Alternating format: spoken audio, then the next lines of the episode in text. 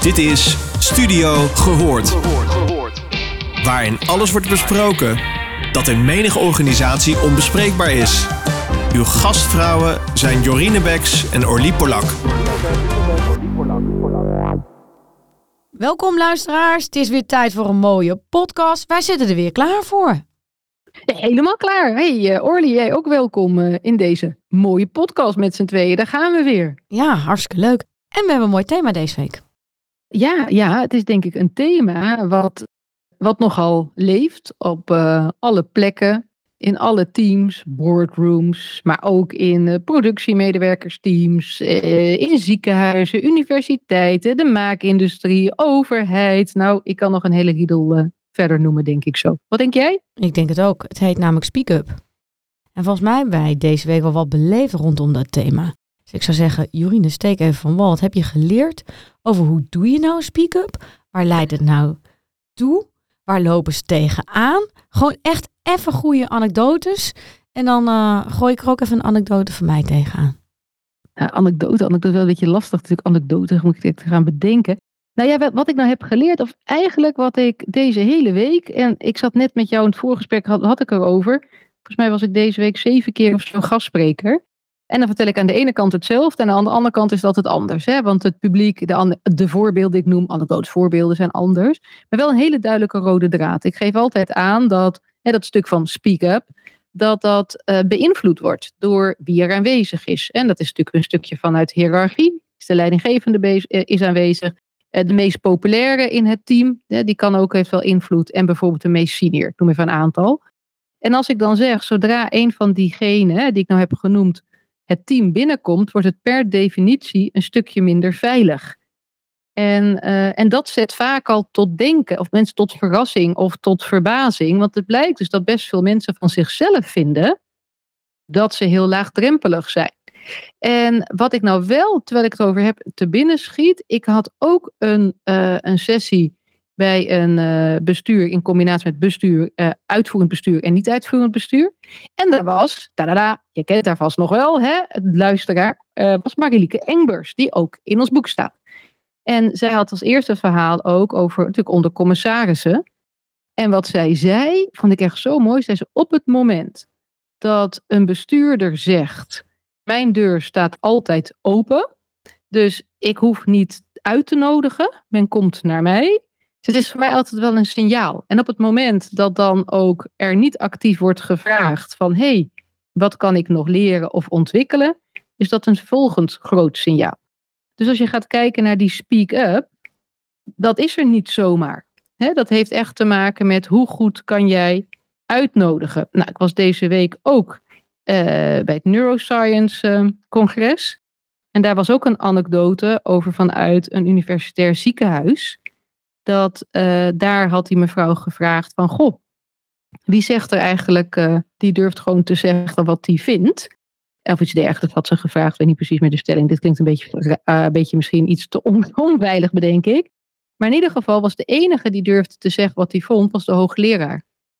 En dat vond ik zelf wel heel erg confronterend. Hè? Dat je bedenkt, hoe, hoe ingewikkeld is dat nou? Dus dat is ook eentje die me is bijgebleven. Plus, wat ik ook meemaak, en misschien herken je dat ook Orly, is de ene keer ben ik gastspreker. En dan zitten er bij wijze van spreken 1200 en soms 200 of 50, 60, maakt eigenlijk niet uit het aantal in de zaal. En dan vraag ik iets en dan is het direct interactie. Ja, handen omhoog, prima, reactie, men stelt vragen, uh, korte oefening, daarna op reflecteren, men wil delen. En het andere moment, of het er nou 60 zijn, 1200, whatever, eh, hetzelfde. En dan zegt niemand iets. En dat, daar heb ik ook op gereflecteerd dan met de opdrachtgever. En die toch ook wel zei, ja, ja, ja, ja, misschien zit daar toch wel iets. Ik weet niet of jij dat ook herkent. Nou, je hebt sowieso dat je hele wisselende groepen hebt, een hele wisselende dynamiek. En je weet ook niet wat er voor jou is gebeurd. Dus stel dat die groep net een uitbrander heeft gekregen van de big boss en het is niet goed en daarna mogen ze lekker een uh, inspirational sessie bij jou hebben. Dat, dat weet je niet, daar ben je, daar ben je niet bij. Je komt binnen in een bepaald moment, in een bepaalde sfeer en je weet niet wat eraan vooraf is gaan. Ik werk natuurlijk veel in veiligheid en ik ben eigenlijk soms wel gestopt om het te vragen. Want soms is er iets heel ernstigs gebeurd en hebben ze net een hele nare ongeval besproken. En dan zitten ze allemaal eigenlijk een beetje met in mineur en heel stil en eh, zitten ze erbij. En soms is het wel heel, dan voel je wel dat er wat is, dat je denkt, hé, hey, er is wat. Maar dat kan dan ook echt iets zijn wat net besproken is, omdat ze net iets heel heftigs met elkaar hebben besproken, omdat er die nacht of die weekend iets gebeurd is. Dus je hebt zoveel mensen, zoveel teams, hè. En soms is dat inderdaad, we hebben ook wel eens een team gehad, nu je het trouwens zegt, dat we achteraf bij de koffie allemaal informatie kregen. Dus het was een discussie, een groepsdiscussie, werden best wel pittige dilemma's besproken. En dat ging er een beetje, nou, een beetje lafjes aan toe, weet je wel. Heel voorzichtig, niemand zei echt iets en dit en dat. En er was altijd maar één iemand dan echt heel erg aan het woord. En dan kwam er zo'n pauze. En dan stonden wij bij de pauze een beetje, soort, ja, een beetje in het hoekje van de koffie. Dan kunnen ze ons nog een beetje opzoeken en zo. Ja, dan bleek er dus uh, best wel gedoe te zijn in dat team. Want die leidinggevende was behoorlijk pittig en viel tegen mensen uit. En mensen voelden zich helemaal niet prettig bij die persoon. En die kwamen dan uh, tijdens de koffie even het echte verhaal vertellen. Dus dat soort situaties uh, herken ik wel. Ja, dat is, dat is inderdaad op teamniveau. Hè. Kijk, ik kom, als er iets is gebeurd binnen de organisatie. Ik had dat laatst ook ergens heel ernstig ongeluk, dodelijke, ja, dodelijke afloop, vreselijk uh, verdrietig. Dan weet ik dat wel. Hè, want dat is voor mij, als ik daar kom over psychologische veiligheid, kom er in één keer binnen, dan kan dat ook niet. Hè? Dan moet dat wel ergens ingebed zijn. En voor de rest heb ik natuurlijk heel vaak gewoon een zaal of het zit in een programma. Dus wat jij nu schetst, heb ik minder vaak. Maar wat ik wel ook heb, want jij zegt dat herken ik ook, wat je aangeeft, hè, dan wordt het in het moment niet gezegd, maar wel bij de koffieapparaat. En dan, ja, dan kun je het misschien wel weer terugnemen, de training in met wat toetsende vragen. En, en dan kun je het allicht weer een beetje stimuleren. Maar wat ik ook deze week best wel veel heb gehad, is: oké, nou prima, hè, speak up. Maar ligt dat ook niet aan die ander? Ik heb ook dat vraag gekregen. Ja, dan kan ik wel wat gaan zeggen.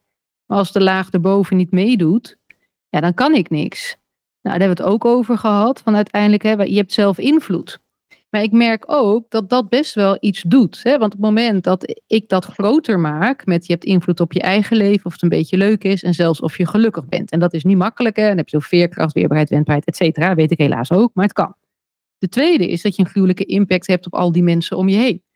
Dus als wij nu, zoals wij hier zitten, maken we grapjes, vinden wij leuk. Dus wij vinden elkaar denk ik leuk, toch? Orly, even toetsen, even toetsen. Oh, gelukkig, ja, je knikt. En dan kan het best wel zijn dat de luisteraar denkt, nou, leuk grapje, maar gelukkig niet tegen mij. Hè? Dat stuk.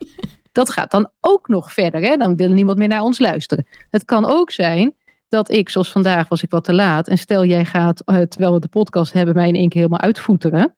Dan denken de luisteraars, of ik doe het bij jou, hè, dat is een beetje suf anders.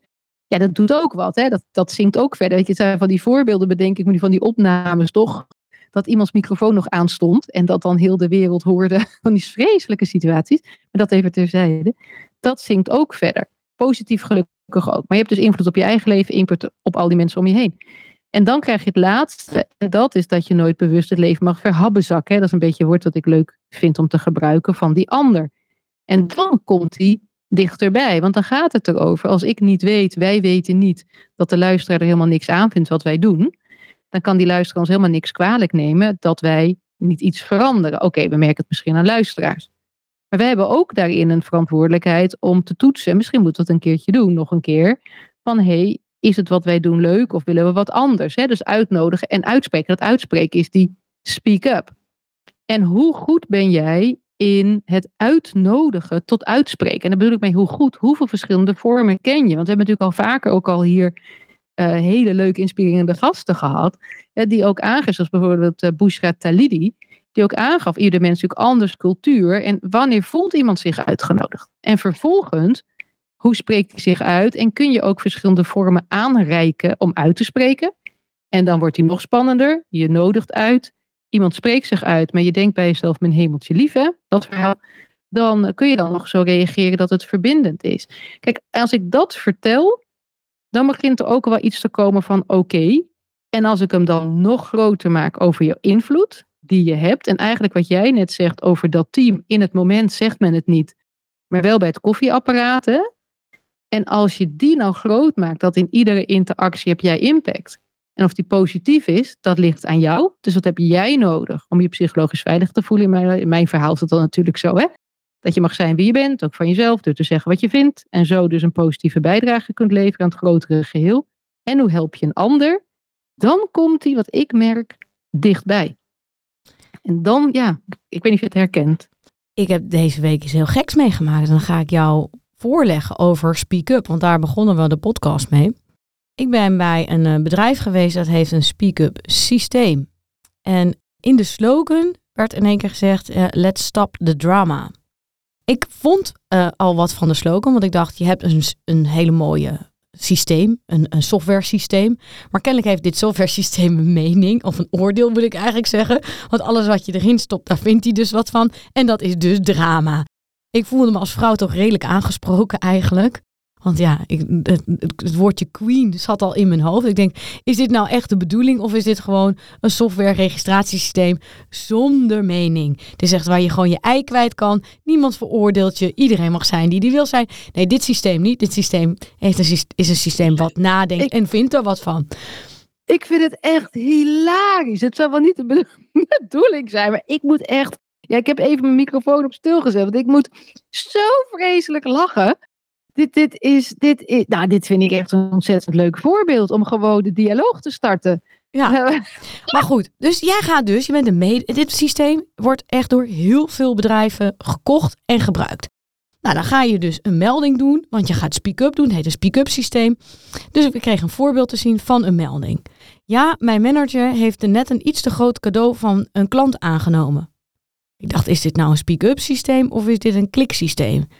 Ik dacht dat Speak Up over dingen ging die mensen echt schaden. Echt wat, wat wezenlijk is. Iets wat, wat we naar vinden in omgangsvormen. Iets wat we moeten bespreken omdat het besproken moet worden.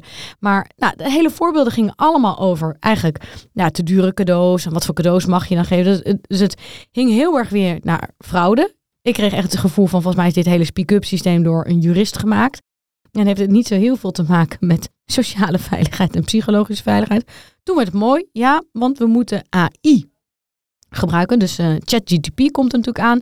En ChatGTP moet, uh, ja, natuurlijk, uh, efficiency willen we ook in psychologische veiligheid. Jorine, dat moet je wel begrijpen. Psychologische veiligheid kunnen we aan een computer overlaten. Maar wat gaan we dan die computer leren? Nou, de computer kunnen we dus leren. Dus als jij zegt, ja, mijn manager heeft nu een, een duur cadeau aangenomen van een klant, dan kan je computer zeggen, ja, dat mag niet, dit is de policy. En kun je even de naam en de rugnummers en de tijd en de plaats van je manager noemen. Wat dus de computer deed. Of je zou de computer kunnen programmeren om te zeggen, joh, heb je dit besproken met je manager? Heb je erna gevraagd waarom hij dat doet? En heb je geuit dat je daar misschien je zorgen over maakt, omdat je bang bent dat je anders beïnvloed wordt in een bepaalde besluitvorming?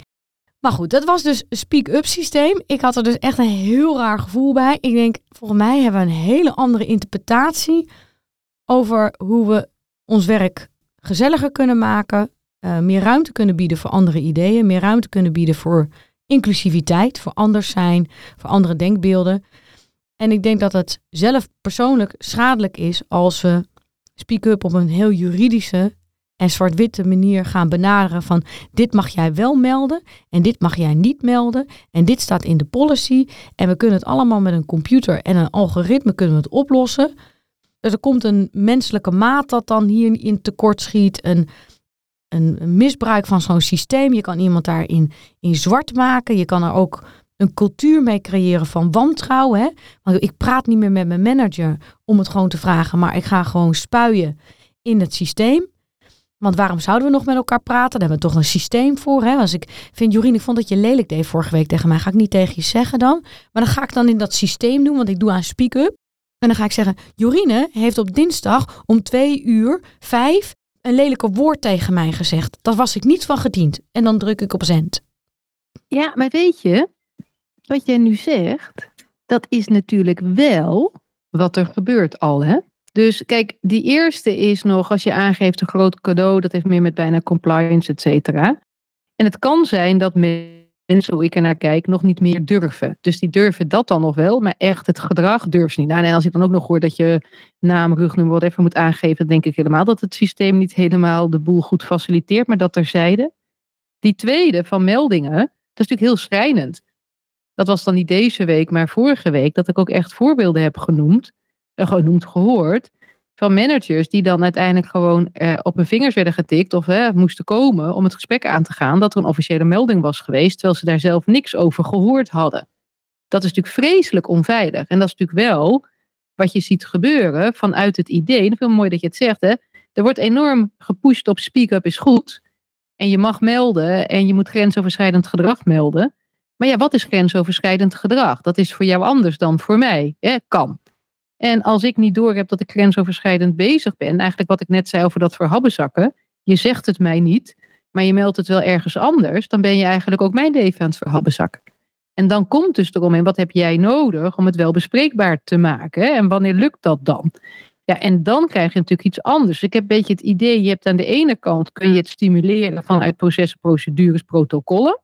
Dus dan krijg je ook crew resource management bijvoorbeeld, CRM, wat je ziet in de cockpit, maar ook ziet op de OK in ziekenhuizen, hele duidelijke scripts, zo doen we het met elkaar. Je kunt het aanvliegen via cultuur, met de culturele route. Wat voor rituelen hebben we nu? En dan heb je de laatste natuurlijk in dat samenspel. Dus het echt in iedere actie oefenen bijna. Hè? Hoe gaat dat? Een keer tussendoor toetsen. En wat jij zegt, ja, dat laatste. Ja, ik heb geen idee. AI kan natuurlijk heel ver. Dan kun je het misschien op een gegeven moment wel gaan oefenen met, met rollen of wat dan ook. Maar daar komt echt wel de mens om de hoek kijken. Want elke situatie is anders. En dat is ook, kijk, de gemene deler bij alles waar ik ben, alle organisaties, type, et cetera, is de mens. Ja, dat, dat is eigenlijk de gemene deler. En, en ieder mens wil zich gezien en gehoord weten. Maar de complexiteit van systeem, van werk, risico. We hebben natuurlijk ook al gesprekken hier gehad. Hè? Stel je werkt in een ziekenhuis, leven en dood. Hè, dat is toch anders dan als je uh, documenten moet goedkeuren. Je kan een keer een typfout maken. Hè? Dat is niet helemaal te vergelijken. Dus dat beïnvloedt het ook allemaal qua verantwoordelijkheid. Wat vind jij dan van deze insteken, want wij komen uit een andere hoek. En die speak-up systemen worden eigenlijk voornamelijk gemaakt en geprogrammeerd en ingericht en beheerd door een jurist en een IT'er. Laat we heel eerlijk zijn, dat is gewoon IT. Het is gewoon een IT-oplossing als je het heel plat slaat. Gevoed door een code of conduct, gevoed door uh, procedures die heel zwart-wit kijken. Er komt een hele tijd misschien wel geen mensen aan te pas. Misschien is dat in het echt ook wel, hè? Want je krijgt er soms heel veel meldingen. Wat vind jij daarvan? Hoe, hoe, zo'n procedure werkt en hoe zo'n systeem werkt? Is dat iets wat bijdraagt aan het vertrouwen, denk je, in organisaties? Nou, ik denk dat je beter dat geld kunt investeren in leren praten met elkaar. Dus het daadwerkelijke speak-up. En dat je gaat kijken van, hé, hey, weet je, zo'n heel mooi programma nou meer in de bouw. hey, ben jij oké? Zo simpel, hè? Dat dat veel meer oplevert dan natuurlijk een systeem. En aan de andere kant heb je wel ook iets nodig qua meldstructuur. Maar bouw het dan even iets anders en zet het even iets anders in elkaar. En eigenlijk wat ik net bedoelde, het is een combinatie. Dus natuurlijk heb je aan de ene kant ook echt de richtlijnen nodig. Wat is wel oké, niet oké? Welk gedrag verwachten we van elkaar? Wat zijn de kaders? Hè? Dus in dat voorbeeld van zo'n cadeau. En ook het risico als je iets aanneemt. Dat is logisch, dat moet er zijn. En, uh, maar dat, dan, dan ben je er niet. Dus ben ik op zich direct tegen zo'n systeem. Nou, als het enige is, zeker wel hoe je net zei, hoe die heette. Let's Stop the Drama. Zou ik zeggen, nou, daar zit ook wat ruimte voor verbetering in. Hè? Om, om, om het te stimuleren om echt te zeggen wat je voelt. Als je direct een drama queen bent. Maar ik zeg niet dat het, als e, dat, dat het niet werkt, maar het is niet het enige. Nu trouwens hebt over drama, schiet me weer wat te binnen deze week. Dat ging ook over emoties en dat speak-up. Wat het tegenhoudt, waren dus echt de emoties. Zoals in een ziekenhuis. En we met een team. En uh, een van die teamleden die zei, ja, maar ik vind emoties tonen en dan huilen niet professioneel. En dat was dus gebeurd. En ja, dat deed ook heel erg veel, weet je. En je merkt op het moment dat je zegt, ik vind het niet professioneel om te huilen. Terwijl mensen hebben gehuild, nodigt dat ook niet uit tot verbinding, maar eerder tot verwijdering, hè, want jij vindt dat. En dat is ook eentje in dat speak-up en grensoverschrijdend gedrag het perspectief van die ander is net zo waar als jouw eigen perspectief. Alleen dan voor die ander. En dat was ook het lastige. Dus misschien is dat ook als je weer gaat kijken naar dit systeem, hè, wat jij zegt. Wat, voor wie werkt dit wel? En wat zou er positief aan kunnen zijn dat we dit wel weten? En wat hebben we meer nodig om echt een open en veilig werkklimaat te creëren? Nou, dat er meer nodig is dan dit, dat, uh, dat vind ik zeker. Nou, jouw voorbeeld heeft eigenlijk ook gewoon raakvlakken met, met voorbeeld wat ik noem. Is dat er is gewoon geen definitie over wat vinden we noodzakelijk om over te melden? Ja, wat vinden, waar gaat dit meldsysteem over? Kijk, in principe heb ik ook klanten die zeggen, joh, melden doe je alleen op het moment dat je er niet uitkomt met de persoon. Ja, op het moment dat het echt zo heftig is of zo eh, onoverkomelijk is, dat je niet met een dialoog het kan oplossen. Maar in jouw geval met die professionaliteit, ik denk dat het heel erg professioneel is als jij als zorgmedewerker een arts huilt. Want dat maakt je mens, dat brengt je dichter bij je patiënt. En het feit dat zij heel stellig zeggen: het is wel of niet professioneel, betekent dat ze nog een hele lange weg te gaan hebben. En dat ze moeten praten over wie ze willen zijn als arts en wat die professionaliteit betekent. Ik denk dat het een hele waardevolle discussie is. Maar ik ben het met je eens om al meteen stelling in te nemen. ik krijg een soort loopgravenoorlog altijd in mijn hoofd. Weet je. Ik graaf mij in en ik leg mijn geweer op de, op de muur. En ik schiet gewoon meteen naar jou toe. Wat jij zegt, dat accepteer ik niet. En dan poef. maar wat, dat, dat is, weet je, het is. Waarom doet diegene wat diegene doet? Hè? deze week ook ergens. Weet je, dan wordt gezegd, ja, de dien. En als je kijkt, en uh, hiërarchie en, en dominant en uh, weet ik wat allemaal. Maar waarom doet diegene zo? Weet je, uiteindelijk is iemand geworden wie die is vanuit het systeem waar die uit ontwikkeld is. Dus het gaat er uiteindelijk om, heeft iemand, is iemand ontwikkelbaar? Dus is iemand nieuwsgierig, heeft hij een groeimindset? En wat is de grootst mogelijke kleine stap die diegene kan zetten? Dus als je inderdaad aangeeft hè, over die emoties, natuurlijk mag iemand die vindt dat dus niet professioneel, dat is waar diegene staat. Alleen op het moment dat je het anders verwoordt, en dat gebeurt op een gegeven moment bij diegene, ik vind het gewoon heel ingewikkeld om daar dan mee om te gaan. Toen hadden we een heel andere dialoog. Dus uiteindelijk is het ook de woordkeus die je gebruikt. En precies wat jij zegt, ga je je loopgraven in. Dat vind ik een heel goed vergelijk, heel mooi beeldend. Of ga je het veld op. En ga je dan het veld op met wel even een witte vlag en even waar, jij, waar je tegenaan loopt. En ga je elkaar ontmoeten op dat veld. En kom je tot, misschien als ooit ook was met die tijdelijk, hè, eh, stil, uh, eventjes hoe noemen met kerst, dat ze dan gingen voetballen en zo, die verhalen uit de Tweede Wereldoorlog. Dat je tot een soort samenspel komt met hopelijk dan wel een betere afloop uiteraard. Dus het is niet helemaal goed vergelijk. Maar uiteindelijk is dat, hè, met wat ik bedoel te zeggen, uh, waarom doet diegene wat diegene doet? Waar komt die vandaan? En heb je daar ook als teamlid enige vorm van barmhartigheid voor? Pas dan, pas dan creëer je verbinding. Dus ook als je vanuit jezelf vindt dat emoties juist wel goed zijn, dan nog, dat is dan ook hoe jij op dat moment er is, het algemene. En dan nog is het de vraag, hoe kunnen je elkaar uitnodigen om daar die dialoog over te hebben en zo te groeien. En in dat team wat ik, wat ik net over had, ontstond dat. En weet je wat zo grappig is? Dat was in tien minuten. Want dat was echt een overleg. Inmiddels zit ik daarbij om te monitoren hoe gaat dat. Ze willen heel graag dat ik daar dan bij ben. Want er was heel veel gedoe is daar geweest in dat team. Dat het echt niet ging. En uh, ze konden amper meer met elkaar koffie drinken. En nu zijn ze inmiddels toe aan de inhoud. Dus het is echt een inhoudelijk overleg. En eigenlijk vinden ze het heel irritant als ik dan dus eventjes een time out zeg, hé, hey, wat gebeurt hier of zo? Hè? Even toets, zijn we nog oké, bijna zoiets. En uh, dus moest het nou wel, want volle agenda. Nou oké, nou nu toch op tafel ligt. Nou ja, oké, laten we het dan maar over hebben. Nou ja, en toen het open was en die tekst veranderde vanuit ik vind dit naar, hè, ik vind dat gewoon lastig. Ja, daarna werd het, gingen we als een dolle door de inhoud. En toen waren we zelfs voor tijd klaar. En, en dat is ook wat volgens mij Speak Up oplevert. Het levert geen vertraging. Daar zijn mensen bang voor. Dat was vandaag ook bij dat bestuur. Bang dat het te veel tijd kost. Terwijl als je wel kunt zeggen wat iets met je doet, dan zit, ben je er ook bij met je hoofd. Ben je niet afgeleid door je emoties. Uh, en voeg je ook waarde toe. Want het betekent dus dat je op de inhoud ook eerlijker bent. En ik denk dat dat het eigenlijk is. Als je eerlijk kunt zijn op je gevoel, is eerlijk zijn op de inhoud ook ja, wat het oplevert. Ja, nou, mooi. Dankjewel voor uh, deze mooie podcast weer. Ja, dan, ja, jij bedankt. Het is altijd hartstikke leukste feestje. Ga je nog wat leuks doen? Dat is een goede vraag. Ik heb zo meteen een heleboel gasten die komen barbecuen. En ik ben sponsor zondag van het jongensvoetbalteam. Dat is leuk. En wat betekent dat dan? Wat sponsor je dan? Een shirtje en broekje met bedrijfslogo erop. En ik moet natuurlijk aanwezig zijn om te juichen wat ik natuurlijk ga doen. Wat ontzettend leuk. Ik heb morgen een feestje van alle vriendinnetjes, allemaal vriendinnetjes van Madelief.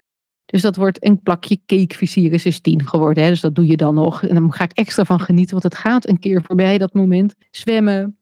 En, eh, oh ja, naar de film eerst trouwens willen ze. En dan zwemmen. En ze wilde oud-Holland, ik zo leuk. Ze wilde oud-Hollandse spelletjes. En weet je wat ze het liefst wilde gaan doen? Ik weet niet, knikkeren? Heb je... oh, is ook hartstikke leuk. Nee, spijkerpoepen. Oh my god. Foto's, foto's maken en later op de huwelijk terug laten komen. Pak je moment, Jorine. Veel plezier bij de voetballerij en met de barbecue. Doeg!